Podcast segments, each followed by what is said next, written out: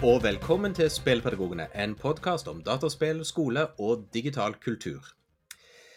I dag så skal vi prøve å kombinere to ting som vi syns er spennende. Det ene er selvfølgelig dataspillundervisning, og det neste er årets store snakkis, KI, eller rettere sagt språkmodeller. Men om jeg kjenner gjengen som er med i dag, så blir det nok mer enn bare språkmodeller òg. Um, og hvorfor akkurat denne kombinasjonen? Jo, vi har oppdaget at det er mange likhetstrekk i forhold til hva som skjer når noe nytt blir presentert som et problem, eller, eller kanskje mer spesielt som løsning på alt som skjer i skolen. Og hvem er det vi har oss med som skal lufte det indre trykket ut i denne episoden? Det er da Tobias. Hei sann. Som ennå er litt lærer i videregående skole, men forsker i spe, og som vel nettopp slapp én av tre artikler til doktorgraden sin. Mhm. Og så er det Magnus, tidligere lærer i videregående skole, nå doktor i pedagogikk med bruk av dataspill i undervisning som sin hjemmebane. Yes, halloi. Og så er det meg, Odin, tidligere lærer og nå skolebyråkrat, og den som vel var først ute med å lage en løsningen, eller lage løsningen, KI, i Randabergskolen, for å forstå hvordan språkmodeller kan tas i bruk i undervisning i skolen. Og selvfølgelig, uten en ordentlig ekspert på KI med oss i episoden, så kommer vi sikkert til å si veldig mye rart om kunstig intelligens, men vi skal prøve å være så etterrettelige som mulig. Og om noen av dere ordentlige KI-eksperter der ute ønsker å radbrekke oss på vår egen podkast, så er det bare å ta kontakt. Ting kan bare bli bedre. Men som vanlig, før vi tar fatt på hva som skal skje i denne episoden, så må vi si noe om hva som har skjedd siden sist. Og først så slipper vi til deg, Tobias. Yeah, yes. Uh, ja, hva som har skjedd siden sist? Da, når var sist, holdt jeg på å si. Nei uh, Sist er vel en stund siden, som ja, du pleier. det er jo det. Ja. Ikke sant. Nei, eh, ja. Eh, første artikkelen avhandlinga mi ble publisert eh, rett før jul i en journal dreven av Universitetet i Bremen, om jeg ikke husker feil. Den het, journalen heter Game Environments, og artikkelen min handler om eh, hvordan lærere iscenesetter dataspill som faglige verktøy, eller undervisningsverktøy, rett og slett. Um, hva, jeg tenk, og, hva jeg tenker på nå for det er vel mest eh, artikkel nummer to, som uh, gjør oss ferdig iallfall for første altså, gjennomlesning av veiledere i disse dager. Den handler om uh, hvordan spill, spill uh, er med på å legge til rette for læring, rett og slett. Så jeg skal jo levere graden etter planen i juni. Så jeg har travelt halvår foran meg, men eh, synes egentlig Jeg har ved flere anledninger sammenligna doktorgraden min som en slags langtidskokt gryte av noe slag. Og nå har han, nå har han virkelig Nå har han godgjort seg eh, vel og lenge, og er eh, Ja. Mør og for- klar. Mør og klar for å eh, gis ut, eller for å fall leveres inn på, for komiteer og fagfellevurdering og den slags. Um, men siden hjernen jobber såpass hardt, så har jeg blitt ekstremt usofistikert i uh, spilldietten min, rett og slett. Så nå i juleferien så har det gått i noe så teit som uh, Dead Island 2. Som er en zombie hack and slash RPG, rett og slett. Der du løper rundt i de ulike deler av Los Angeles etter at eh, zombiene har uh, ankommet. Og, og jeg går altså Storyen jeg husker ikke hva det handler om engang, og den er jo ikke hovedspennende på noen måte. Men, men spillet har altså et system de kaller for de kaller det for Flash. Det er en sånn uh, forkortning for et eller annet. Altså, Kort og godt, eh, zombiene kan hakkes i stykker på ekstremt realistiske og detaljerte måter. Og jeg finner en ekstrem barnlig glede i hele spetakkelet her. Ja, det, det høres ut som en sånn god avreagering i forhold til den gryta Ja. du ellers koker på. Veldig, veldig, veldig. veldig. Eh, ellers så er det jo Guttungen eh, syns nå fortsatt eh, komponentene til pappa sine brettspill er gøyere enn selve brettspillene, men han har blitt veldig glad i puslespill. Så det har det gått en del av i det siste. Det er kjekt. Ja. Og det er en god Segway til meg, må jeg si. For at eh, jeg har også eh, pusla mye puslespill de siste, siste dagene. Litt i romjula, og så også utover nå. Det er, eh, det er eh, en langtidsgreie. Den, altså det, er sånn, det er et sånn etterslep på det å, å ha levert eh, doktorgrad òg, for det gjorde jeg rett før sommeren. Og så er jeg liksom gradvis tar jeg opp igjen av hele mitt normale eh, virke.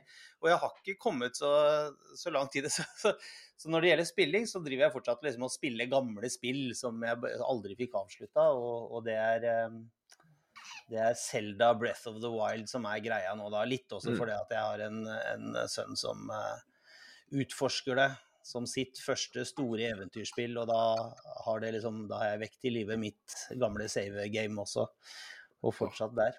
Hvor gammel er han? Han, han eh, blir åtte nå i, i, om noen uker.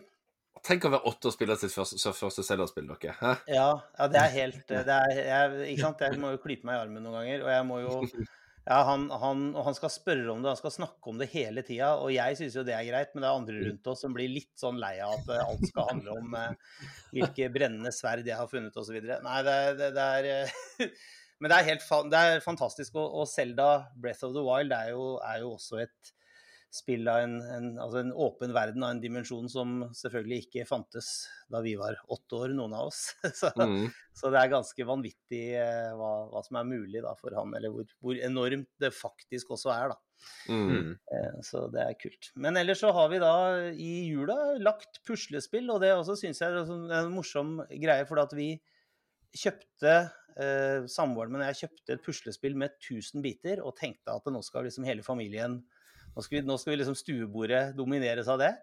Og det gjør det, eh, og det er litt kronglete. Men eh, det er først nå i de siste, de siste par dagene faktisk at barna har liksom knekt koden.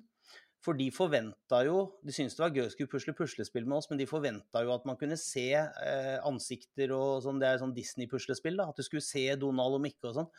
Men uh, med 1000 biter så gjør du ikke det, altså. Sjøl om det er et stort puslespill. Så, men nå har de liksom, har de liksom uh, knekt koden og skjønner det der med at man må finne noen kriterier, da. Man må, man må, lete på farge eller på en eller annen form eller en strek i motivet som du kan finne igjen, og, og finne de bitene, ikke sant. Og så plutselig så, så, er det blitt gøy for alle, da, inkludert hun på, på fire, da. Eh, er mm. med på det. Og de er jo utrolig gode på å se mønstre og sånn, når de bare motiveres til å gjøre det. Mm. Så, mm. så, men vi har nok, Silje og jeg, har nok, altså samboeren min og jeg, har, har nok pusla 500 av de 1000 bitene nå før vi på en måte kom dit, da. Ikke sant? Men nå, nå har det åpna seg. Så det er eh, en eh, Ja. En veldig, veldig fysisk og, og taktil opplevelse. Mm. mm. Mm. Men jeg ser, jeg ser, frem til, jeg frem til Nå er det enkle Paw Patrol-puslespill med bare et dusin brikker, eller ja, litt bedre, da. 20 brikker kanskje det går i foreløpig. Jeg gleder meg til vi kan levele opp litt. Grann, mm. Ja, nei, det er veldig kult. Og så har jeg, så tar jeg et, litt etter litt så tar jeg tak i ulike prosjekter som har blitt liggende, da, som jeg må gjøre. Og det er en ting jeg, hvis jeg skulle nevne en sånn ting jeg er opptatt av nå for tida, så er det historisk troverdighet som estetikk. For, det må du forklare.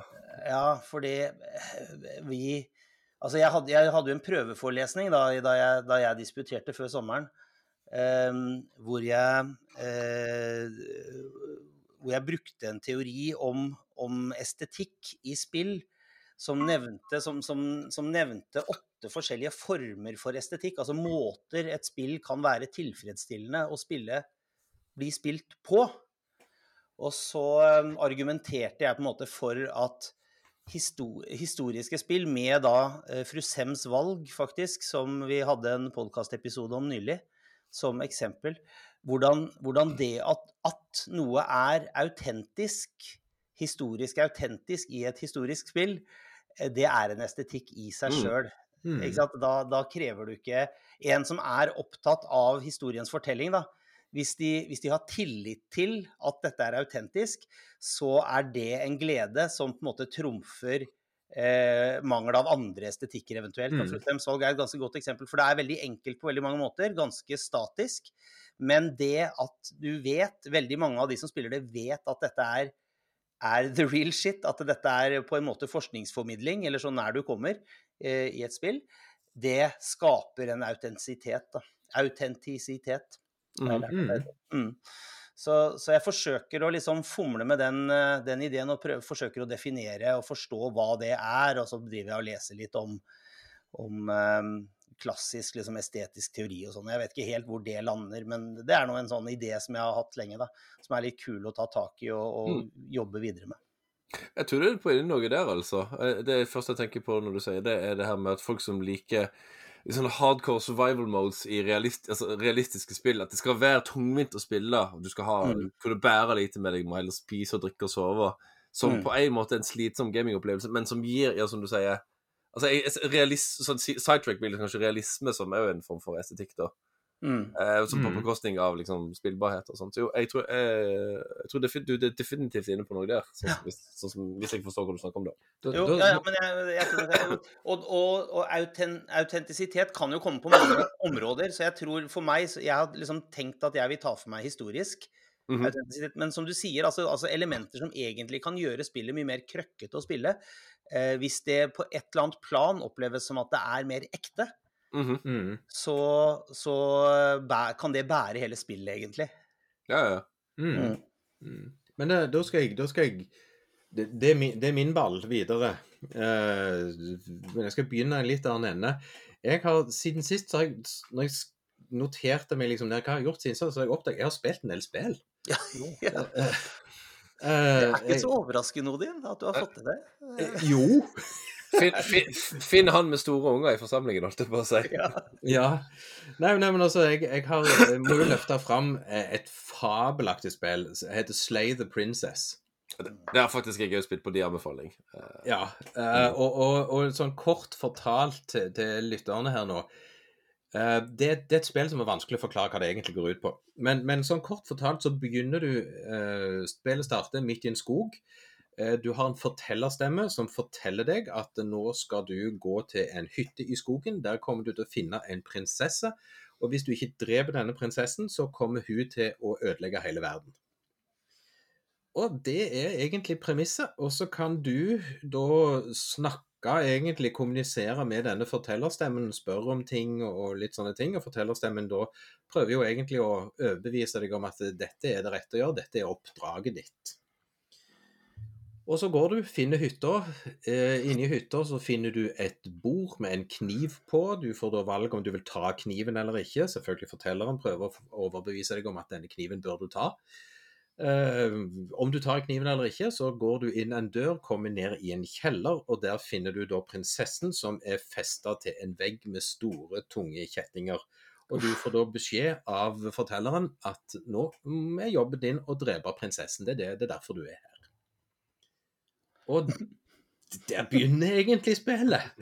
I forhold til at du da har alle slags mulige valg, og der du da spillet utvikler seg i absolutt alle retninger, alt etter hva valg du gjør. Eh, Og denne fortellerstemmen har jo en jobb, eh, og du kan jo da spille med, spille mot. Eh, Og, til en viss grad så minner det jo på en måte nesten litt om, om The Stanley Parable med at du på en måte spiller et spill med eller mot fortellerstemmen i spillet, som da prøver å fortelle hva som egentlig skjer, og du må forholde deg til dette. Og så er det jo for så vidt kanskje ikke så hemmelig å si at det er, det er um, du, du kommer nok til å dø mange ganger i dette spillet. uh, og da ser det ut som spillet begynner på nytt, men det gjør egentlig ikke det. Og plutselig så dukker det opp en tredje stemme, som er litt forskjellig fra gang til gang du spiller. Du har altså deg sjøl, du har fortelleren, og en annen stemme. Som har en annen rolle og en annen tone i spillet. Det, det er klin mulig å fortelle hva egentlig dette spillet går ut på, uten at du faktisk setter deg ned og spiller det sjøl. Og, og det er det vidleste spillet jeg har vært med på i forhold til hva retning det tar, og hva det prøver å fortelle deg. Det lurer deg mange ganger til at han, spillet tuller rett og slett med deg. Eh, I forhold til, til hva du tror du har valgt, og hvor spillet går videre, og hva som egentlig er meningen med spillet oppi alt dette her. Så, så som en sånn en fortellingsting, og som, som, utnytter på en måte hva et fortellende medie kan være, så syns jeg rett og slett Slade Princess er i en egen liga. Du, du må bare støtte opp. Om du, om du, har en mye finere måte å fortelle om det på, Tobias, så må du gjerne supplere her. Nei, det er Hva skal jeg si? For, for, for, for, for litt sånn hommage til Magnus. Det er litt som en løk. ja. Nei, det, det er et eh, for eh, For, for altså, des, hva, hva som sier man deceptively på norsk? Eh, forførende Forførende, ja. ja, Villedende, eh, kanskje. Villedende enkelt ved første øyekast. Ja. Og så etter et par gjennomspillinger, så tenker du i alle dager hva de har spist for noe, disse som har lagd dette her. Det er, og det, grafikken er bare sånne enkle Plyantegninger blyanttegninger, liksom, og, og, og hele greia. Men nei, det er, det er virkelig eh, en opplevelse, altså. Det er en liten genistrek, det der. ja. Eh, men det, og det føles mer som Det føles ikke som spilling, det føles som lesing. Eh, Ja, men, men, at, men det betyr Men det føles som også som at de valgene du gjør, Ja, ja, ja, absolutt. noe. Absolutt. Så, Ja, ja, ja. Så, så, så jeg har spilt det med 16-åringen her hjemme. Mm. Og det er jo, en, det er jo, må jo sies at det er jo for så vidt et skrekkspill i den forstand. Altså Om det er en kjærlighetsfortelling eller et skrekkspill, det er liksom pick your choice. Det, Eh, det, et det er et metaspill. ja, og, og han syns jo det er fabelaktig å spille det. Mm. I, i, som syns en blanding at han har ikke lyst til å spille det så veldig alene, for han syns det er litt nifst. Mm. Men, men det å få være med i alle valgmulighetene som er, og på en måte tenke over hva, hva, vel, hva skjer nå hvis jeg velger det? Skal jeg tåre å velge det? Ødelegger jeg hele spillet for meg selv? Mm. Eller ikke? Så ja. Ja, det er opplever altså, det, fra min posisjon her nå med dere to, at det er også et sånn innenfor-utenfor-spill. For det er jammen ikke så lett å skjønne. Altså, jeg hører entusiasmen, det hører jeg, og den eh, forteller meg mye. Men jeg tror jeg må spille det sjøl før jeg på en måte ja, du, du, du, du, For å si det sånn, spillet er ikke appellerende bare ved å se på screenshots. Nei. Nei, det er- du- du- du er nødt til å spille det. Ja, ja. Jeg, jeg så det bare, så spilte jeg demoen som gikk an å laste ned, og da var jeg hekta. Og Mm. demoen stoppet på det mest perfekte stedet, der jeg begynte å lure på hva er det som skjer nå? Og da stoppet demoen. Og da jeg, var, jeg var jo nødt til å kjøpe spillet. Mhm. Ja, ja det, det er det ene. Ellers har jeg spilt Lifeless Moon, som er en oppfølger av en av- et annet spill, eh, Europa, som ser veldig lovende ut. Eh, The Invincible, som så bedre ut enn det egentlig var. Og så et litt stilig spill som heter Say No More. Altså si, si nei mer. mm. Uh, og som er faktisk morsomt. Du springer rundt og har en superkraft, og det å si nei. Oh, ja. Du, du springer rundt alle folk og bare Nei! Og så Motsatt av Yes Man. Ja, det er en sånn motsatt av det. Du er et sånn samfunn, sånn totalitært samfunn der alle bare sier ja til alle, og så har du lært å si nei. For du har fått en båndopptaker som kan spille av ordet nei. Vet eh, altså, hver gang jeg prater med deg, så vokser altså ønskelista mi på Steam eksponentielt. Nei, ja, men det var, det var så sært at det var faktisk litt morsomt. Det er en del god humor i det. Uh, og så er det et annet spill som jeg er blitt veldig glad i. Uh, A Highland Song. Som egentlig handler om Skottland. Og der det er ei skotsk jente som skal dra til bestefaren sin, som holder til et fyr. Og hun må komme til det fyret i løpet av fem dager. Og så springe gjennom en del landskaper, i skotske landskaper. Det er pent å se på. Det er fabelaktig musikk, og det er en utrolig god historie. Mhm. Eh, og, og spillet er litt sånn rått, fordi at det, det er fullt mulig å tape. Det, det virker som en walking simulator, men du, det kan, du kan rett og slett tape i dette spillet. Hmm. Eh, og gå, du kan gå deg vill, faktisk. Som er litt sånn der spillmekanisk styggedom. Uh, men litt av poenget er faktisk å gå litt vill. Og så er det lagt litt snedig, så jeg tror du får oppleve de tingene du bør oppleve, uansett hva du gjør. Men jeg er ikke sikker ennå. Mm. Jeg har ikke kommet fram til fyrtårnet. Så, så jeg har spilt litt ennå. Og så er det noe som heter American Arcadia, som var litt morsomt. Og det morsomste nesten, Secret Shuffle, som er et dansespill for fire spillere. Okay. Som alle må ha mobiltelefon og headset. Og så kobles disse sammen, og så er det ulike dansespill som da en kan Ja. spille sammen. Uh, og det er mer sånn at det, du må ha minst fire spillere. To, og så kan du da si at eh, sette opp på en type som heter pair eller group. Og da får halvparten høre én sang, og den andre halvparten får høre en annen sang. Og så skal han begynne å danse til musikken, og så skal han prøve å finne de andre som danser til samme musikk. Mhm. Eller det er en som heter The Imposter eller The Faker, som jo da er at alle får høre musikk utenom én. Hmm. Og den skal da prøve å late som om han hører musikken de andre hører. Og så stopper musikken, og så skal han peke på den en trodde var den som lot som. Det, nice. det, er, fakt, det er faktisk veldig morsomt. Det er sånn partyspill. Og så har jeg lyst til å spille noe som heter Deliver Us Mars, Stray Gods, Loretta og The Quarry og litt sånne ting.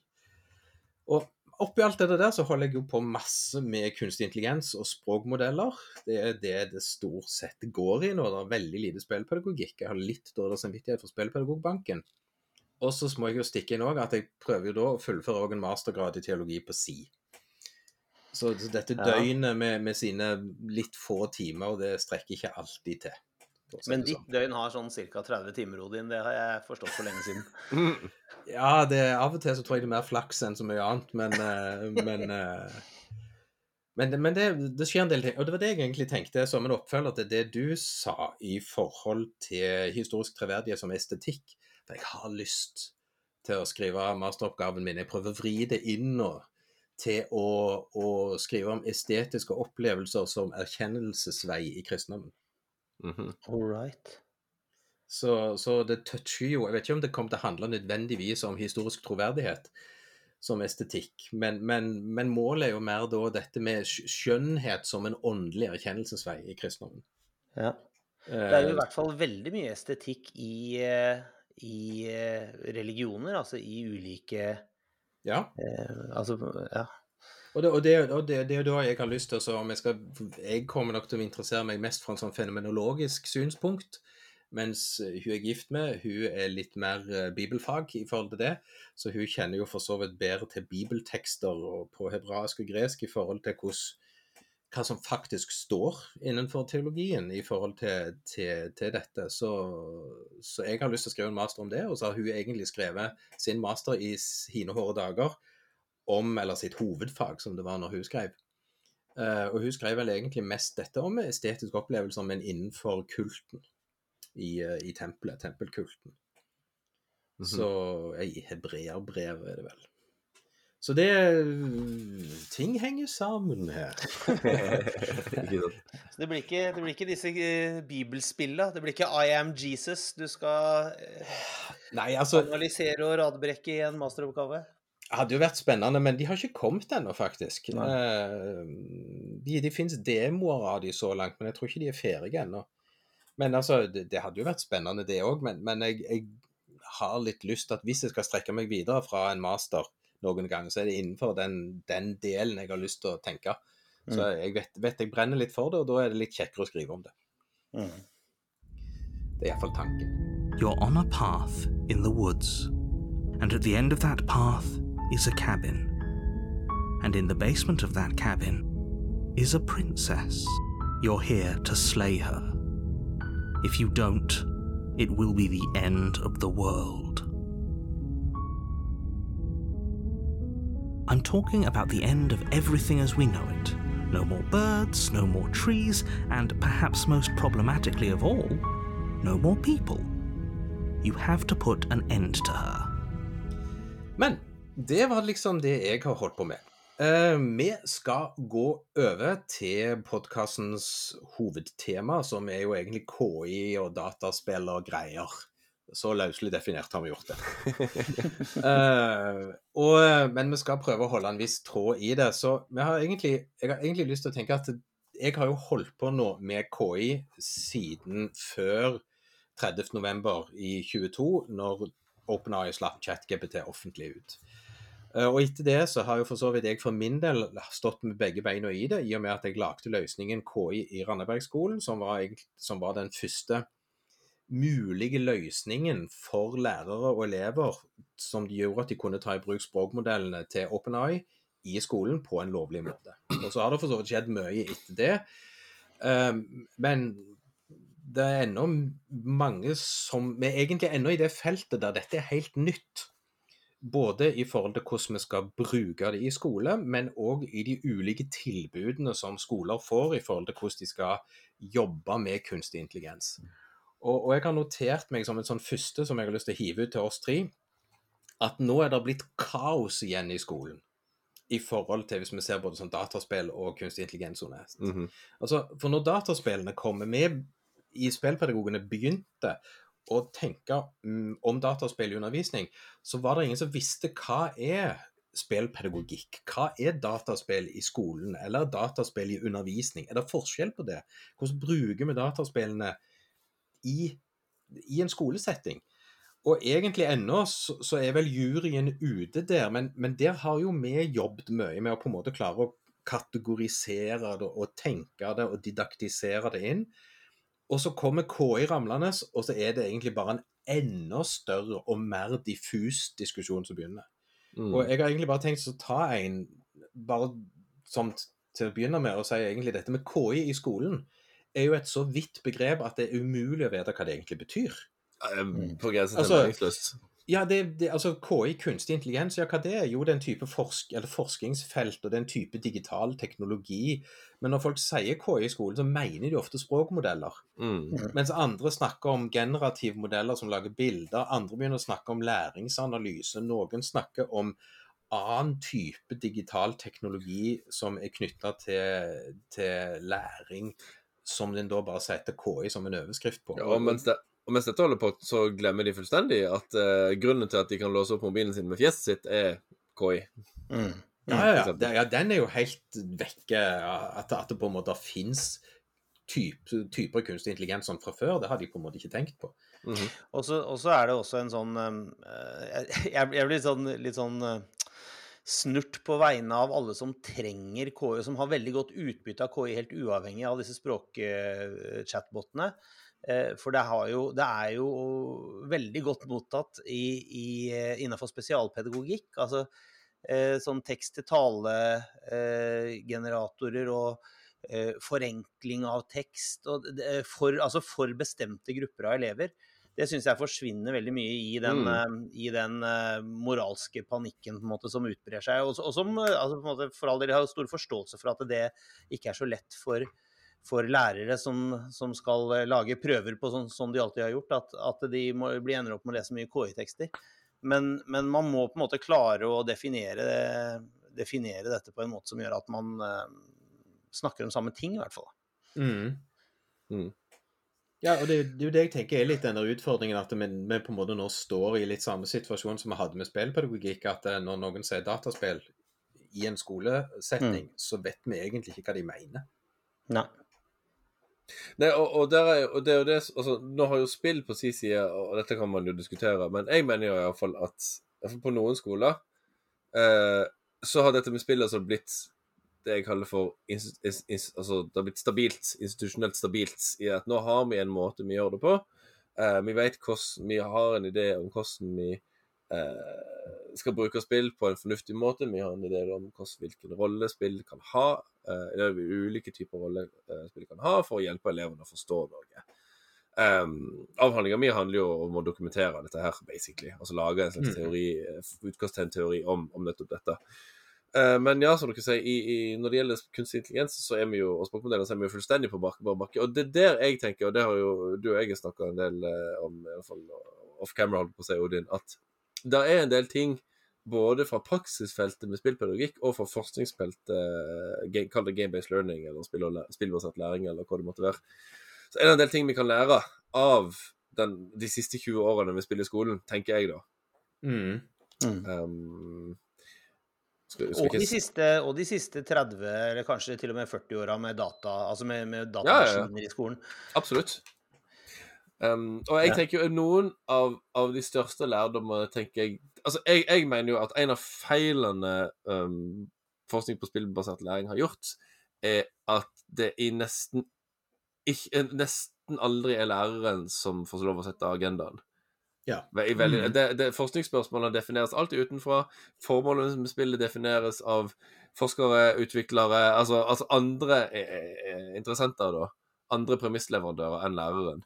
Eh, og når læreren blir totalt tatt på senga av ny teknologi som kommer brasende inn soveromsvinduet, så, så er det jo ikke rart at de sitter litt sånn Altså, da oppstår det et veldig sånn kjempestort kunnskapstomrom som veldig lett fylles av eh, folk som ikke nødvendigvis Som ofte går rundt med sammalt mel i posen, eh, for å si det sånn. Så det må vi passe på skjer, eh, ikke skjer når det gjelder kunstig intelligens og språkmodeller i skolen. Vi må få lærerne på banen fort som fy, tenker Mm. jeg. Eh, og, og, Mm. men utfordringa der er jo at så mange lærere er jo eh, Vår partner in crime, Alexander, Alexander var jo nylig på TV 2-nyhetene, og da i den innslaget så, så begynte jo med statistikker over hvordan nesten 70% av lærere er bekymra for språkmodeller i skolen. Med rette, delvis i alle fall. Men det gjelder jo for lærerne på banen å liksom på en måte eh, snakke Ja. om hvordan vi kan bruke det, og hvordan vi ikke skal bruke det, osv. Og, så og, så Mm. og da gjelder det at læreren må kjenne igjen det fagdidaktiske på et eller annet Mm. vis, eller eh, på andre måter hvordan det kan hjelpe de i det, sin arbeidshverdag. Og så må jeg jo bare, bare si at, sånn, skyte inn at jeg, jeg er litt grann sur for at OpenAI og, og andre leverandører i så til de grader skal få lov å være med og indirekte diktere hva som skal skje i skolen. Litt grann sur på det fortsatt. At det, det, det, det diskuteres liksom ikke i det hele tatt hvorvidt man skal ta inn eh, kunstige eller altså språkmodeller i skolen. Det blir bare tatt for gitt at vi skal det. Jeg savner litt den debatten der. Ja, skal vi egentlig det? Ja, men, ja, men å, det finnes Jo, men, jo, men, men, men, men det blir litt sånn Oi, internett! Noen fant opp internett. Skal vi ta det inn i skolen, du? Mm. Ja, blir det, blir det egentlig det? Ja, det er akkurat det. I, fra, fra mitt perspektiv så er det akkurat det samme. Altså, Men internett har- i seg selv er jo ikke interessant. Det er innholdet på internett som er interessant. Jo, men det internett gjør Jo, Altså- men, men, men altså, men, altså det, Jo, jeg, jo, men- jeg savner, Selv om svaret er uunngåelig nok er ja, så savner jeg allikevel den diskusjonen. Ja, men, Ja. jo, men det, det, det, er der, ja, men det er der den diskusjonen blir meningsløs, fordi den er der allerede.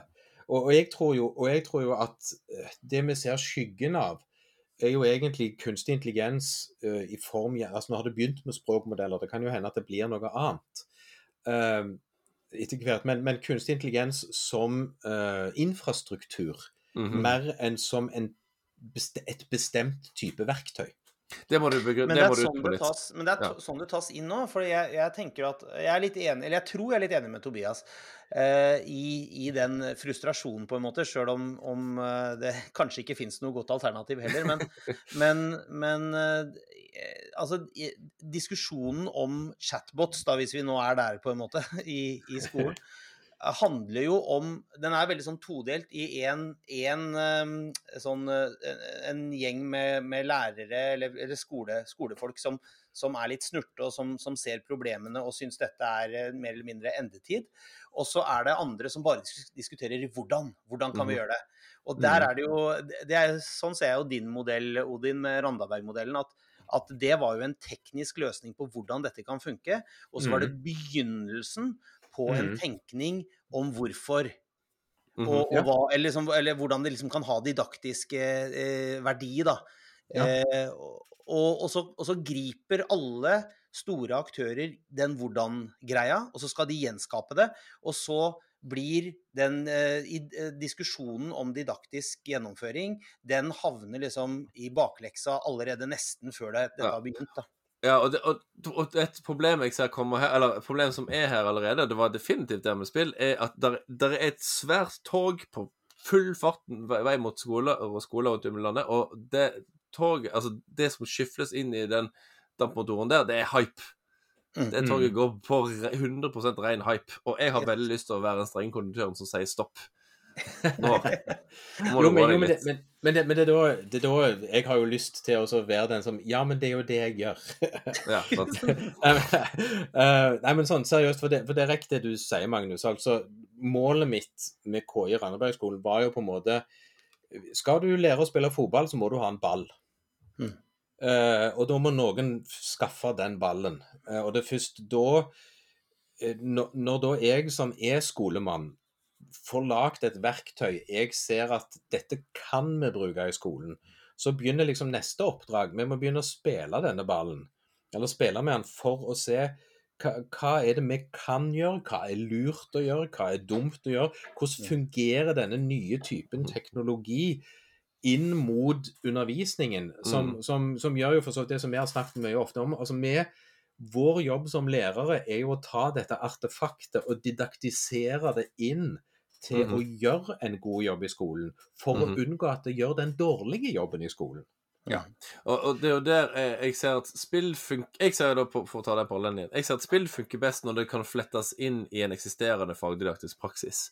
Og så kan Ja. godt den praksisen eh, endres, eh, til og med no, noe radikalt, via på den måten, i- dog over tid, holdt på å si. Men eh, at de som altså Argumentet om at teknologi på ulike vis skal revolusjonere skolen, det er et kjempegammelt argument. Det er flere titalls år gammelt. Og det har ikke skjedd. Det kommer heller ikke til å skje med språkmodeller, tror jeg. Fordi at skolen som en institusjon må på en måte på et eller annet være litt sånn seigtflytende. Ja, det blir, jo ikke en revolusjon, men det vil jo bli endring før eller Ja, ja, ja. Ja, ja. Så, men, men det er jo det jeg òg er veldig enig i, at i den forstand Jeg er ikke den som nødvendigvis sier at noen må spørre om vi skulle hatt dette eller ikke. For den Mm. diskusjonen er ikke-eksisterende. Det er bare det er en tåpelig diskusjon, Mm. mener jeg. For, Mm. Fordi at det er der, vi kan ikke stoppe det. Jeg har jo Den one-lineren min er jo at uh, ChatGPT er for uh, Nei, ja. ja. ChatGPT er for underveisvurdering, det som covid var for digitalisering av skolen. Ja, det, tror- ja. Det, Ja. Tror, det tror jeg du har helt rett i. Men, altså, men det er et negativt argument i den forstand at det er på en måte et sånn at det, det er en varig endring av virkeligheten Mhm. som vi er nødt til å ta høyde for. Og hvis vi later som om dette ikke har skjedd, så blir det bare mye verre. Mm. Ja, ja, det kan vi definitivt ikke gjøre. Vi kan ikke Altså, jeg, derfor jeg, som sagt, jeg sa i stad, med forbo- altså, innrømte lederlag på at, litt på for, i forkant at ja, jeg vet at eh, svaret uunngåelig må være ja på hvorvidt vi skal bruke språkmodeller i skolen eller ikke. Mm. Men igjen um, Men, jeg- jeg, men, altså, men, det- det, det, men det er da det neste kom inn, som egentlig er mitt poeng, og som du nevnte, Tobias. Det at eh, det er derfor vi lærere må på banen og ta Ja. det alvorlig. Ja, Fordi at hvis ikke vi gjør det, mhm. så kommer hypen utenfra og Ja. forteller oss hva vi burde gjort. Og så er det nok da krefter i lærerstanden som griper dette ulikt, eller det er kanskje òg overordna ting som griper inn, og som blir blenda av hypen utenfra. Og som Mhm. Ja. gjør på en måte at det som da skjer i skolen, er fullstendig utenfor læreren sin kontroll. Nettopp. Og det er da vi må passe oss for uh, den bullshitten som vi har lukta før, med begrunnelser for hvorfor spillet skal inn i skolen. Ja. Og da, da tenker jeg på uh, litt sånn i sønderstykket argumenter som uh, effektivitet og motivasjon, f.eks., eller faguspesifikke ferdigheter som 21st Century Skills og sånt tull. Um, så, så vi må Hæ? Ja, altså, prompting. Altså, vi må passe oss kjempemasse for påståtte økte faguavhengige generelle ferdigheter. For det finnes i, sånne ting finnes i, i ekstremt liten grad. Ja. Mm. Fagkunnskap er, fagkunnskap er viktig uansett. Ja, og det, Odin sa jo det. altså Prompting det er jo liksom første generasjon av, av forsøk på å, å, å diskutere hvorfor. Og det Mhm. syns jeg er et Det, det, det syns jeg Det er ganske fjollete. Eller det liksom Det bommer. Det er, Mm. det er ingenting. Det, det er Eh, liksom det, gjør eh, det gjør deg til, bedre til å søke Altså til å få en AI til å si det du vil, men, Mhm. men det har jo ingen fagdidaktisk tilknytning utover det i det Overhodet. Nei, det, det, det, blir, det blir sånn Det var AI-ekvivalenten til det her med uh, kildekritikk. Ja, hvem er opphavspersonen? Og bare ja, altså, ja, Hvis du er kjempegod på kildekritikk, men ikke kan Mm. fagstoffet Ja. Men Så, så derfor er jeg kjempeopptatt av at begrunnelsene for språkmodellen i skolen må være fagspesifikke, eller ped pedagog Mm. Pedagogiske, i Mm. alle fall. Jeg kan ta et eksempel da, for hva jeg mener. fra Jeg hadde, jeg hadde just et, et parti gjennom uh, muntlig eksamen i religion rett før jul. Um, og som en eksamensforberedelse, da, så testa jeg ut uh, gode, gamle ChatGPT. Um, om den kan være en sparingpartner for å forberede meg til muntlig eksamen. Så da sa jeg ja, jeg er en elev, skal opp i muntlig eksamen i religion på videregående, bla, bla, bla. bla. Kan, nå kan du hjelpe meg å late som du er liksom eksaminator, da. Uh, stille meg noen vanskelige spørsmål. Og jo, jo, jaggu om ikke den stilte Altså bare han stille oppføl oppfølgingsspørsmål på svarene mine, og bla, bla, bla. Og jaggu om ikke den stilte spørsmål som ligner veldig på det type spørsmål jeg ville stilt. Så jeg forhåndsgodkjente den, liksom. Og så Mm. viste jeg min samtale med ChatGPT til elevene. Og så jeg, så sånn en samtale jeg har hatt med ChatGPT, dette er faktisk en ålreit måte, å tr- måte å trene på muntlig eksamen på. Mm. Sånn. Jo, men, men det er der, det er der på en måte trikset kommer med at vi som er didaktikerne, fagdidaktikerne, Mhm. må på en måte inn og bruke verktøyene og så se hvor er det disse verktøyene gjør den jobben som, som elever og lærere har gevinst av at de gjør. Mhm. Mm. Uh, og, og på en måte å klare å trekke ut en slags sånn der overordna De der to-tre gode poengene som, som er gjennomtenkte, og som det er mening i, istedenfor at det bare blir hype. Mhm. Mm. Eh, Mm. og, og, og da er det en sånn blanding av at du må kunne noe om eh, kunstig intelligens, altså i spesifikt språkmodeller. Du må vite hvordan virker en språkmodell for å kunne på forhånd si her kommer han til å gjøre en dårlig jobb prinsipielt, og her kommer han til å gjøre en god jobb prinsipielt. Mm. Mhm. Ja. Og det andre, og som, som, som litt dette med prompting og, og litt sånne ting Min erfaring, og nå pleier jeg å si er erfaring, dette har liksom holdt på et drøyt år. Er jo egentlig at hele dette KI-feltet er det som jeg kaller for en slags alvorlig fluks. Mhm. Altså, Ja, ja. det endrer seg eh, på veldig uforutsigbare måter hele tiden, og innenfor samme tjeneste. Mm. Sånn at Mm. selv om du sitter og bruker ChatGPT fra OpenAI, som er prinsipielt samme tjeneste, du begynner ikke å blande deg inn i Google Bard eller eh, gud forby Bing Chat, selv om det er en avart av, av eh, ChatGPT. Så, så Eller egentlig så kan jeg si gud forby Google Bard, for den er verst. uh, eh, så, så er det likevel at det som virkte godt i går, det virker helt annerledes i dag. Mm. Så selv om du Mm. var flink på prompting i går, så nytter ikke den kunnskapen i morgen. Nei. Mm. Og, og bare tenk når uh, det blir, florerer av små uh, lokalt kjørte språkmodeller som må promptes Ja, ja. på helt, helt forskjellige måter. Og, ja. Ja, og så, er det på en måte at det, Dermed så betyr det at hele denne delen som vi er i nå, i den forstand det er fluks altså Jeg, jeg liker det ordet. altså det, Mhm. det beveger seg i alle retninger, og du på en Mm. måte vet nesten ikke hva som blir det neste som skal være fornuftig og god. og Da er det på en måte allikevel viktig at læreren står tydelig og, og står liksom midt i faget, og på en måte kan allikevel si jeg vet at OpenEye er god på dialog. Mm. Mm. Hvordan kan jeg bruke et verktøy som er god på dialog, og Mm. god på å omforme fagstoff i en dialog? Mhm. Ja. Og, og, det, og så blir det en rent sånn fagspesifikk, didaktisk ting jeg som lærer kan bruke. Men det er noe helt annet enn å få han til å, å, å jukse på eksamen, liksom. Mm. jeg, jeg gjorde en annen ting, to andre ting uh, i religionsklassen min i fjor. Det ene var uh, som jeg hjelp til altså, undervisningsforberedelse. Uh, elevene mine skulle rangere noen, et sett med Det tror jeg jeg fortalte om før, kanskje. Eh, At de skulle rangere et sett med scenarioer, altså tenkte situasjoner eh, om en persons forhold til en eller annen form for religion. og Så skulle de, skulle de først lage en slags religions, religionsdefinisjon, og så skulle de rangere disse scenarioene fra mest til minst. I tråd med Mhm. sin definisjon av religion. Og det var, Et eksempel var eksempel en person som går i kirka på julaften, men ikke tror på Gud. Så, Mhm. For eksempel. Eh, eller en person som ja, tre, tre, ikke. Men altså, jeg, jeg lagde fem, eksempel, fem sånne scenarioer, og så sa jeg ba jeg ChatGPT kan, du lage- kan du gi meg 15 til. Oi, Og, okay. og så sorterte jeg så gjorde det to ganger og sorterte ut de beste. Kjempetidsbesparende. Men en annen mm. ting jeg gjorde, var eh, å gi elevene Be ele- ChatGPT Meg og elevene gjorde sammen, da. Vi hadde et spørsmål, et faglig spørsmål, og så ba jeg eh, ChatGPT eh, generere et treer, femmer og sekser-svar eller et eller annet sånt. Altså det som tilsvarte ulike karakterer. Og, og den var ikke så verst, altså. Jeg og elevene snakket om at ja, men det som den mente var et seksersvar, var kanskje egentlig et femersvar.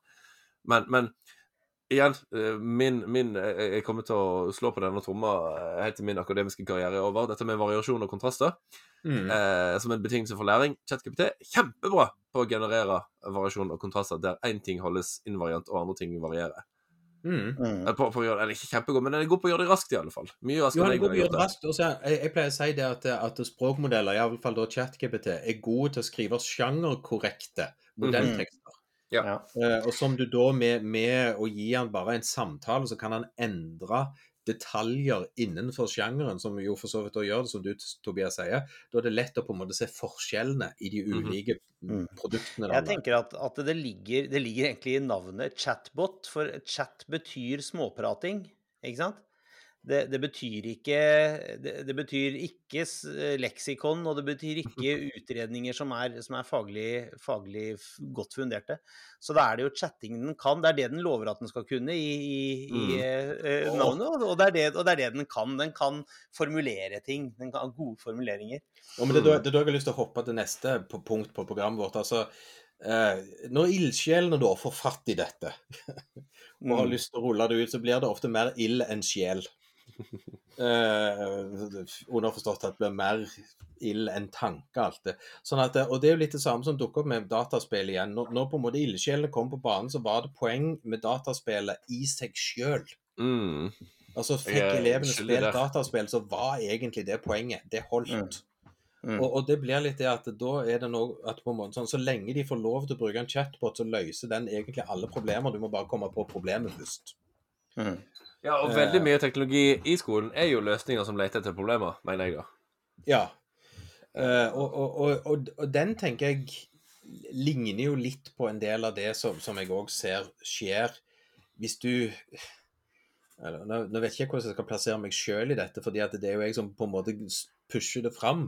Men jeg håper samtidig at jeg er kritisk nok til å si at det her det er en masse ting en språkmodell må bare holdes langt, langt, langt vekke fra. Mhm. Men det er faktisk en del av de tingene som noen lærere har lyst til å løfte fram. Altså det å bruke språkmodeller til å la den gjøre vurderinger, Ja. altså formative Ja, ja. vurderinger. Altså, her, her herre ja. Jeg har prøvd å si til folk at en språkmodell er ikke i stand til å resonnere eh, eller gjøre vurderinger. Den er i stand til en omtrentlig gjenkalling av ting Mhm. han er trent på. Mm. Og, og, og, men han er fryktelig god til det òg. Han, han, Ja, han kan gjenkalle veldig mye og kan gjenkalle det på veldig spennende Mm. måter. Men, men han er ikke i stand til å resonnere. Og en måte å si det på er at det, med en gang du har skrevet inn teksten som du vil, altså ledeteksten som du vil at språkmodellen skal jobbe med, idet du trykker 'send', Mhm. så er eh, svaret allerede gitt. Det Mm. tar bare litt tid å regne det ut. Mm. Altså, språkmodellen gjør ingen vurderinger og resonneringer eller resonneringer underveis. Han tenker ikke på det. Han gjør ingen Han setter ikke opp ulike alternativer og tenker over det. Han bare prøver å løse mm. den ligningen som er ufattelig komplisert, og som blir løst på en ufattelig komplisert måte. Men svaret er allerede gitt i det du trykker selv. Du Ja, Hvorfor får du da ulikt svar hvis du gjør det to ganger? Fordi Eh, at. Det, er fordi det er noise. For hver stavelse han skriver, så er det et visst element av tilfeldighet. Så det er ikke alltid han skal plukke Ja. det som er statistisk mest sannsynlig. Han gir han litt slinger i valsen. Men- Det er det som kalles temperatur. Så Mm. hvis du skrur opp temperaturen, så blir svarene mer uberegnelige enn hvis du skrur ned temperaturen. Men, men, men så er det en kategorifeil òg, tenker jeg, å, si at, å tenke og påstå at en, en språkmodell kan vurdere. For det at, og vurdering er jo en, en, en menneskelig øvelse i empati, tenker jeg. Mm. Ja. For at du, tekst er en proxy for stedfortreder for elevens mentale uh, forståelse av faget, Mm. tenker jeg da. Så jeg, jeg, tror- jeg, jeg, tror aldri en språkkontroll aldri en språkmodell ville kunne vurdere tekster, for det er det bare mennesker som kan. Tenker jeg. Ja, så Jeg kan, Vi må, må ha en helt annen type teknologi enn disse autoregressive språkmodellene. mm, For, for de, de, de gjør ingen resonnering i den forstand. Den. Han, han setter ikke opp et Nei, problem han skal løse. Og de, altså, og de har ikke en theory of mind. Altså, de, de tenker ikke at de er ikke bevisste sjøl, og de tenker ikke at andre vesener er bevisste. Det må du gjøre for å kunne vurdere, tenker jeg. da. Mm. Men de Mhm. etterligner liksom hva det nå er, noen milliarder tekster skrevet av mennesker som er bevisste. Men jeg, Ja. jeg lurer veldig på Men, men, men eh, du som er, har mer peiling på det her, kanskje du er Odin Reader response theory oppi alt dette her? Ja, det, det, jeg, jeg, jeg har pleid å si at eh, språkmodellene er det perfekte reader response. Jo, jo, jo men altså med, Språk er jo en menneskelig oppfinnelse. Mm. Og med fram til egentlig kunstig intelligens i form av språkmodeller kom, så har det eneste Eller all tekst har vært produsert av andre mennesker. Mhm. Og dermed så har det vært produsert av noen som har hatt mening med det de skrev. Mm. De ville skrive det av en eller annen grunn. Eh, Og så vet vi at når vi leser en tekst, så betyr det at dette er skrevet av et annet menneske som ville noe. Og så har jo selvfølgelig Reader Respons kommet og sagt at mm. meningen blir til når vi leser det, for så vidt korrekt nok, men det er alltid underforstått. Det er et menneske som har skrevet det, og dette mennesket ville skrive det av en eller annen grunn, som vi kan jobbe med å finne eller ikke. Men nå så får vi tekster som er meningsfulle for oss når vi leser det, men som er produsert av en språkmodell som ikke skjønner betydningen av ordene. For han har ingen forståelse av virkeligheten annet enn rekkefølgen Mm. på stavelser. Mm. Og det, er jo der, det, er der den, det, er, det er jo der den illusjonen på en måte brister, da. For Ja. at du tror du, Jeg liker også å tenke, og tenkte kanskje en stund at, at, at nå, nå skriver jeg inn noe, og så får jeg svar på liksom hele humaniteten, da. Hele liksom de, de, de, tusener av år med, med menneskelig innsikt. Eh, og det får du i noen grad fordi at det er ekstremt mange tekster som ligger til grunn for formen på det du får tilbake. Men den gjør jo helt eh, himmelropende feil i, Ja. i, i fakta og sånn, da. Eh, og det, er, det er på en måte et eh, Altså, da har du ikke, da, da har du ikke fått det beste av humanitet, da, hvis du bare Og poenget er jo selvfølgelig at du bare får en, en, eh, en, en utregna sannsynlighet av, av ord for ord, da. Ja, altså, jeg, er litt sånn, jeg, er, jeg er litt nervøs alltid, fordi at når vi sier 'bare', og det høres enkelt ut, så er jo det selvfølgelig en en sannhet med veldig mange modifikasjoner. Mm, Altså, mm. det å, å sette opp en språkmodell, og så store språkmodeller som for så vidt ChatGPT 3.5 og 4 er, er jo ufattelig kompliserte ting som vi knapt nok sjøl skjønner hvordan egentlig virker. Vi vet jo ikke hva han har lært, vi ser Mm. bare hva han gjør. Men vi vet, vi vet på grunnlag av hvordan teknologien fungerer, siden det er vi som har lagd teknologien, at det er begrensninger i, i måten han resonnerer på i den forstand. For Mm. ja, han, han resonnerer jo ut ifra det han har lært, men han Mm. kan ikke sette opp en problemstilling. Det er derfor jeg sier dette med at, at svaret er gitt idet du er ferdig med å skrive setningen og trykke 'send', så tar Mm. det egentlig bare tid å regne ut svaret. For, for det er ingenting annet som skjer underveis enn utregningen av svaret. Men det er, en, det er en ufattelig komplisert prosess å regne ut det svaret. Jeg, jeg satt på, jeg satt på bord med en kar på en sånn, under middag på en konferanse her forleden. Og så, så fortalte han om kona som var så lur, for at hun hadde, hadde fått eh, elevbesvarelser som hun trodde var skrevet av ChatGPT. Og så klippa hun og lima besvarelsen inn i ChatGPT og spurte hadde du skrevet dette. Ha-ha! Hjelp, hjelp. Ja. Det, det er jo marerittsituasjonen. Det er jo det jeg prøver å si til, til alle lærere. Du, du må bare ikke finn på det. Nei. Det, Var det ikke en, apropos ild uten sjel, var, er det, var det ikke en av frontergründerne som nå hadde lagd noe som han solgte inn som, selv som, som liksom løsningen på dette her? En ChatGPT-recognizer. jo. Eh, og skulle Og- og selge jeg den i syns- norsk skole.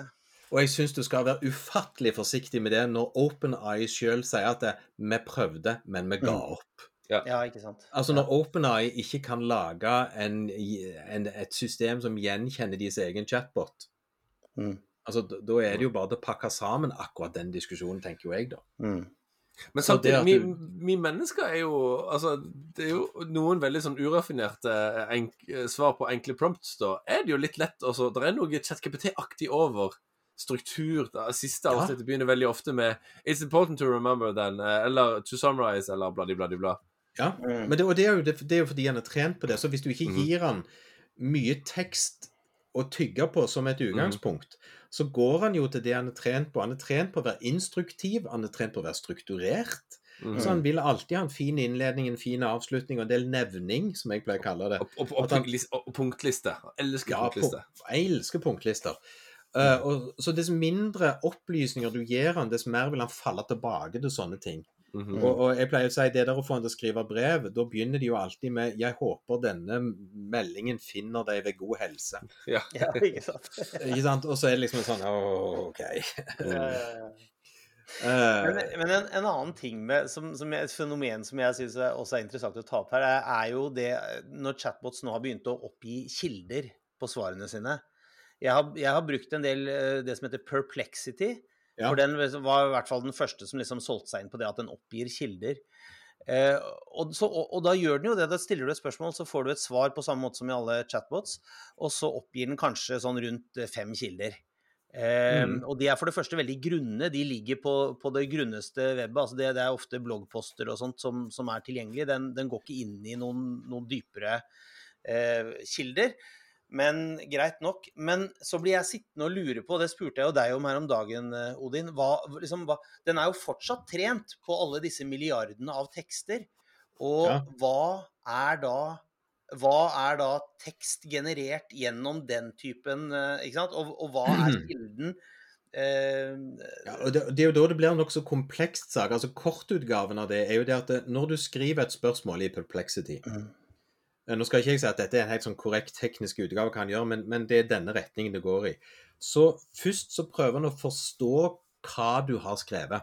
Da Mm. hiver han det ofte inn i en sånn embedding eh, språkmodell som prøver å tenke ut dette ordet er viktig, dette ordet er viktig, og dette Mm. ordet er viktig. Mm. Eh, og så han prøver å gjenkjenne altså, hva, hva, hva betydning har ordene i det spørsmålet du har skrevet. Og så sender han ut et søk i en eller annen søkemotor, enten Bing eller Google, med disse søkeordene som, som hovedord. Og så finner han jo en del treff. Og så leser han enten deler eller hele av disse nettsidene han finner. Og så vet jeg ikke da om han bare plukker ut det som han anser som aktuell tekst, eller om han hiver det inn i en vektordatabase midlertidig, Mm. som er egentlig en type database der han òg kan lett gjenkjenne samme vekting av ord. Mm. Eh, i forhold til det du skrev, og i forhold til det som står i den teksten han har funnet. Eh, og når han da enten da finner teksten på et eller annet vis, så tar han deler av den teksten han har funnet, plukker det ut fra nettsida, bygger det inn i en ledetekst, en prompt, og så sender han hele denne ledeteksten med ditt spørsmål, ting vi ikke vet som kanskje står som systemledetekster, med teksten fra internett som man har, mener er den aktuelle teksten som man bør jobbe med. Og så sendes alt dette inn til språkmodellen. Som gjør at språkmodellen har mer tekst å jobbe med som et utgangspunkt. Og Mm. da får du en sånn blanding av at ja, her har du konkret tekst som forhåpentligvis var den rette teksten. Og så klarer han da for så vidt å bruke treningsmaterialet han har, til å bearbeide den teksten til et svar som kanskje stemmer med det du har spurt om. Mm. Og da vil han òg klare å skjønne at nå henter jeg det som står her, det har jeg henta fra denne kilden. Det som står her, har jeg henta fra denne kilden. Men han klarer ikke å hente det fra treningsmateriellet. Han vil da måtte henvise det til det han fant når han søkte. Ja, ikke sant? Og så finnes det fnørtige utgaver av dette. Altså for eksempel sånn så uh, ChatGPT sine GPT-er Mm. er jo egentlig en enda finere blanding. For der får du det at han skal forstå. Du kan laste opp dokumenter og sånne ting som blir vektorisert i en, eller blir lagt i en vektordatabase. Som gjør at han kan søke i de basene når du spør etter ting. På samme måte som han kan søke på nett, i tillegg til at han kan søke på nett. Mm. Så, så egentlig å lage disse systemene som kan søke, lage semantiske søk, veldig gode Mm. semantiske søk, gjennom semantiske forståtte tekster, gjør at det, kanskje de, når vi blir enda flinkere til å lage disse systemene, kan bruke språkmodeller til å finne det vi mente at vi skulle finne. Ja, ikke sant. Altså, men ikke dermed at Google har jo holdt på med dette en stund. Altså semantisk søk, at du skriver noe inn i Google, og så prøver Google å forstå hva du egentlig søker etter. Ja, ikke sant? Ja, ja. Ja. Ja. Så Perplexity er jo på en måte bare litt mer avansert. at De bruker en stor språkmodell. De har brukt ChatGPT sin, men de har lagd sine egne òg nå. Ja. For å slippe å betale. måte jeg syns jeg, på en måte det blir tydeligere eh, Eller eh, det, det, er liksom, det er litt søtt, for at det, her blir det veldig tydelig at ChatGPT simulerer mennesket i dette. Altså På samme måte som jeg mm. satt med, med og prøvde å finne kilder på det jeg skrev for tre år siden. da. Ehm, og så hadde jeg min egen kunnskap som var liksom ganske stor, men ganske kaotisk. Min egen lesning. Og så, måtte jeg finne noen kilder som, som bekrefta eller motsa eller kontrasterte det jeg trodde jeg visste. Mm. Uh, på en måte så, så, så er det på en måte det, det er mennesket som er erstatta her da, av, av en chat, og så gjør den et søk litt som et menneske kanskje ville gjort det. Ja, kanskje. Men så, men så sier du jo da liksom Men hva, hva, hva finner det, egentlig? Ja, altså disse, Både Bing Chat og Google Bard og Perplexity er jo veldig bundet opp i det de faktisk ender opp med å finne. Hva med Elicit, da? Har dere prøvd den? Hvem sa du? Elicit. Ja, eller, ja. Men den gjør jo på en måte en annen jobb. Den, sø, den gjør jo semantiske søk i forskningsrapporter. Mm. eh, og lager jo sammendrag for deg. Eh, sånn at du på en måte litt raskt kan danne deg et bilde. Du, du søker, og så får du et forslag med artikler. Du får sammendrag for artiklene. Sånn at du liksom kan skumlese litt. Er dette en artikkel jeg bør lese? Mm. Jeg har brukt det litt. Så, det har vært veldig nyttig. Er det, er det der du laster opp en PDF, og så Nei, den, den tror jeg Du, du, du gjør uh, altså, søk på, i, i ulike uh, databaser akademiske artikler Ja, som han oppsummerer det, for deg. det, Altså, det som jeg, likte, det som jeg likte best med for jeg, jeg søkte litt etter uh, så på å si, uh, estetikk og erkjennelsesveier i religion. Og det som jeg nesten likte best, det var én ting at han fant artikler, men han uh, ga meg òg forslag til spørsmål jeg kunne stille. Mm. Som, som minner om hva er det dette spørsmålet du egentlig har lyst til å stille? Hva med å stille dette spørsmålet? Mm. Og hva finner du da? Og det, og det var jo for så vidt en, en sånn interessant støtte i, i å få av en språkmodell. mm. Så, men Alle, alle diskusjonene her viser jo bare hvor eh, hvor li, liten vei man kommer før man blir konkret. ja. Eh, om all diskusjon om bruk av språkmodeller i hva, det måtte være. Eh, og, og det ser jeg jo at liksom, nå har jeg tålelig, tålelig god kontroll på forskningslitteraturen om spill og læring. Ikke på, på ingen måte dekkende, men god nok til at jeg føler meg trygg når jeg sier at den typen forskningslitteratur som dreier om eh, faguspesifikke og, og kunnskaps... Altså eh, faguspesifikke spørsmål knyttet til spill og læring, som ikke har noe med kunst, etablerte kunnskapsdomener å gjøre, som litteratur eller historie eller whatever, de står og spinner gjørme, altså. De kommer seg ingen vei.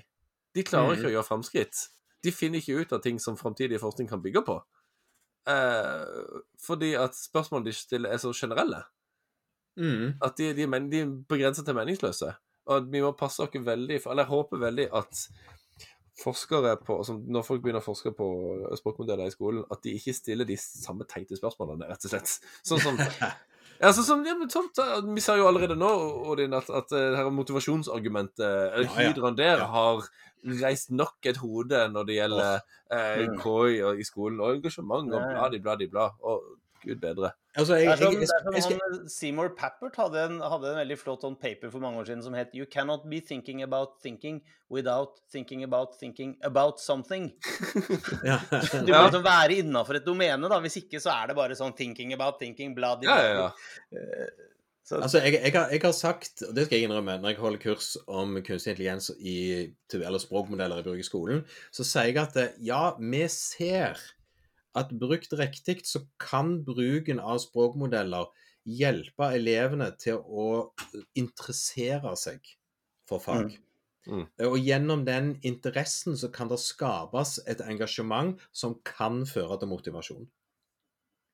Men, det er, men da sier vi etterpå hva er det vi har bedt elevene om å gjøre? Hva, akt, hva slags aktivitet er det som skaper denne faglige interessen?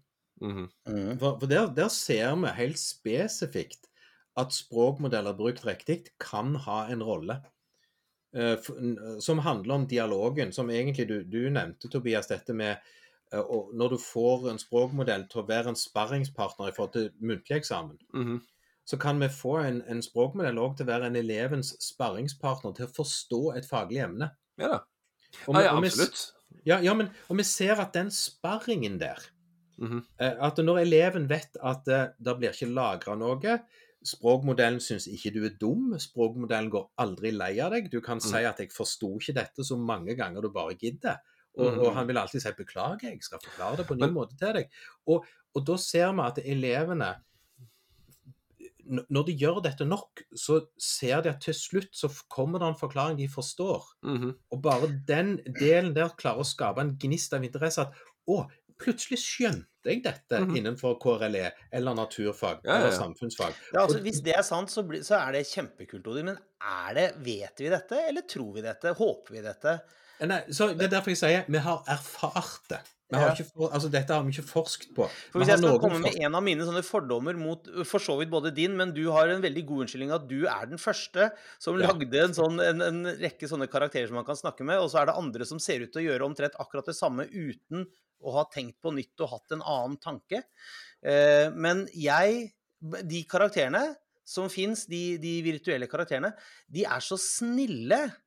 Jeg har lyst på altså, apro, altså Tilbake igjen til Slay the Princess. ikke sant? Jeg har lyst på en, en, en upålitelig forteller. Jeg har lyst til en måte man kan, eh, kan jobbe med kritisk literacy på. Du kan jo ikke det med disse som er så snille. Jo, jo, men, men, ak men akkurat der, Tobi, nei, eh, Magnus, er det at jeg ser at dette poenget med at språkmodeller er snille, eller OpenAI sine, er snille. Mm. At de er imøtekommende og høflige og hjelpsomme. Men de er jo ikke en aktør, de er jo ikke en person, de syns jo ingenting om deg. Men bare at de har den språkdrakten, bare at de er drilla i dialogen til å være det, Mm. betyr ufattelig mye for elevene. Jeg har jo lagt, jeg har endra mening, eller har egentlig ikke det, eller gått fra vondt til verre. Jeg har aldri likt læringsanalyse. Nei. Uh, og- Det er jo, tull. det er jo stort sett tull, ikke det? Det, jo, men det er mange Det er også det er sånn, mange, sånn, sånn great det er en hype. Ja, ja. Ja, ja. Men, men allikevel, det er såpass seriøst inne i markedet at det finnes mange Mm. løsninger. Det er mange som tar det seriøst og har skrevet NOU-er om det, bla, bla, bla, bla. bla. Og KI er jo på en måte enda et steg i denne, at vi kan få enda mer intelligente læringsanalyser som kan si noe fornuftig om Mm. hva elevene skal gjøre Mm. videre eller ikke. Og så er det masse GDPR og dill og sånne ting. Men jeg har bestemt for at nei, den ballen er død. Elever trenger ikke en AI som liksom kjenner de, jf. det du Tobias sa om at underveisutdanning er en dypt empatisk prosess. Mhm. Altså Uansett hva AI-en lærer om elever, så vil han ikke lære det som eleven trenger. Nei. Eh, og, og, og det som vi ser, er at når en AI i en dialogsform er høflig, imøtekommende og hjelpsom, så trenger bare eleven å våge å si hva de ikke forstår. Mhm. Og hvis de gjør det, så vil AI-en prøve å være akkurat den er trent til, høflig, imøtekommende, hjelpsom, og prøve å hjelpe eleven til å forstå. Mm. Og hvis eleven går med på dette skuespillet i anførselstegn, eller dialogen, så har på en måte veldig viktig læring skjedd, og eleven klarer seg sjøl i møte sammen med denne AI-en. Ja, Og, og, og der ligger det Og jeg er enig, altså som voksen, jeg syns òg det er mye kjekkere med en litt sånn hysterisk Marvin som er kritisk og deppa og bare prøver å få han blid som ikke går. Mm. Men, men i møte med eleven, for at eleven skal oppleve seg sett, og at eleven skal oppleve at nå forstår jeg, og jeg liker den hjelpen jeg får, så holder det kanskje at han er høflig og imøtekommende. mm. Vi trenger ikke mer. Men i, i forbindelse med dette så vil jeg dra nok en kjepphest ut, ut av stallen her og, og si at jeg, jeg, det er påfallende i alle fall hvor elendig f- forskningslitteraturen på spill og læring eh, og teknologilæring generelt er å skille mellom artefakt og aktivitet. Ja, ja. Ja, det, det er helt ufattelig i hvor liten grad man skjønner at det er forskjell på tingen som blir brukt, og den aktiviteten den brukes i. Mm. Eh, Jeg kan bruke en lighter til å åpne en flaske med, jeg kan bruke en flaskeåpner til å åpne en flaske med. Eh, Men lighteren blir ikke en flaskeåpner før det er ei flaske som åpnes, og en litt frustrert Tobias som ikke finner flaskeåpneren sin. Ikke sant? sant? Ja. Og i disse eksemplene her eh, det er så mange jeg, Det er derfor jeg er veldig glad i Actor Network Theory, men jeg skal ikke begynne om, å, å, å ha en lang utdragering om, ut, utlegging om det. Men Actor Network Theory, eh, hovedpoenget der er at enhver aktivitet eh, settes, er sammensatt av så mange forskjellige aktører, både menneskelige og ikke-menneskelige, for at noe skal fungere. Eksempelet jeg ofte har brukt, er at man lager surdeig, f.eks. Jeg trenger ikke bare meg, jeg trenger ikke bare melet, men jeg trenger så, ikke minst soppsporene som finnes i melet fra før. Jeg trenger vann, jeg trenger eh, Altså alle disse andre tingene må på plass for å lage surdeig. Apropos du, Magnus, du poserte vel med et uh, nystekt brød her om dagen, så jeg. Det Ikke sant? eh, Altså det, det brødet er som eh, mm. men det brødet er jo kun mulig Altså, det, det brødet er, er sammensatt Det er ikke bare du som har lagd brød, men det er du og surdeigen og alt det andre, surdeigskulturen og alt som har lagd det Mm. brødet. Mm. På samme måte i den dialogen mellom elevene. Seks millioner mikrober som Ja, sant. eh, har hjulpet meg med det. Mm. Og som lider en smertefull død for at du skal få Nei da. Ja, som jeg spiser opp til slutt. Ja, Mm. Men, samme, men det er jo ikke bare språkmodellen som er i aksjon eh, i det eksempelet med den eleven som har eh, dialog med det. Det er eleven, eleven, og det er skolen Ja. som institusjon, og det er Ja. Alle disse Mm. andre tingene. Men vi har Og, og, det, tendens og, det, og, og det er jo det som på en måte vi har prøvd å sette i systemet, at det, dette oppstår ikke av seg sjøl. Nei, nettopp. Nei. Altså, vi må hjelpe elevene inn i den dialogen, sånn at de skjønner hva den dialogen egentlig handler om, og hvorfor de har den, Mhm. og til hva hensikt de skal ha den. Altså så, og, og vi ser at vi må hjelpe de i alle de stegene, for det skjer ikke av seg sjøl. Det er ikke sånn du bare setter altså, du, kan, egentlig, du kan ikke sette eleven for en dataspill, og så lære han noe. Du Men- kan ikke men- sette eleven foran den kunstige intelligensen, og så, lære, og så går skolen av seg sjøl. Og og jeg blir så, blir så irritert når veldig mye forskning på spill og læring anerkjenner det i en bisetning at ja, læreren er viktig, og bla, bla, bla, bla, men, men Mm. det er uansett spillet som tilskrives effekter som de måler. Ja, Ja, ja, ja. Ja, Det er kjempefrustrerende. Du kjenner sikkert igjen det- det, samme, men det er det jeg tenkte. Magnus. Og, og Ja. hente opp da det siste poenget. altså Det er rett og slett som er min bekymring. det at jeg kan si at Bordet er liksom up for grabs Mhm. nå, i den forstand at det, eh, nå, nå er det så mye som skjer, og jeg er livredd for hvem som nå tar seg til rette inn i skolen. Apropos, nå er det så mye som skjer. Nå er det en stemme, en eh, AI-stemme ute i gangen her som sier at jeg må forlate bygget. Jeg sitter på jobben, nemlig. Og nå er klokka kvart på elleve på kvelden. Så, så nå går alarmen på med kvarter.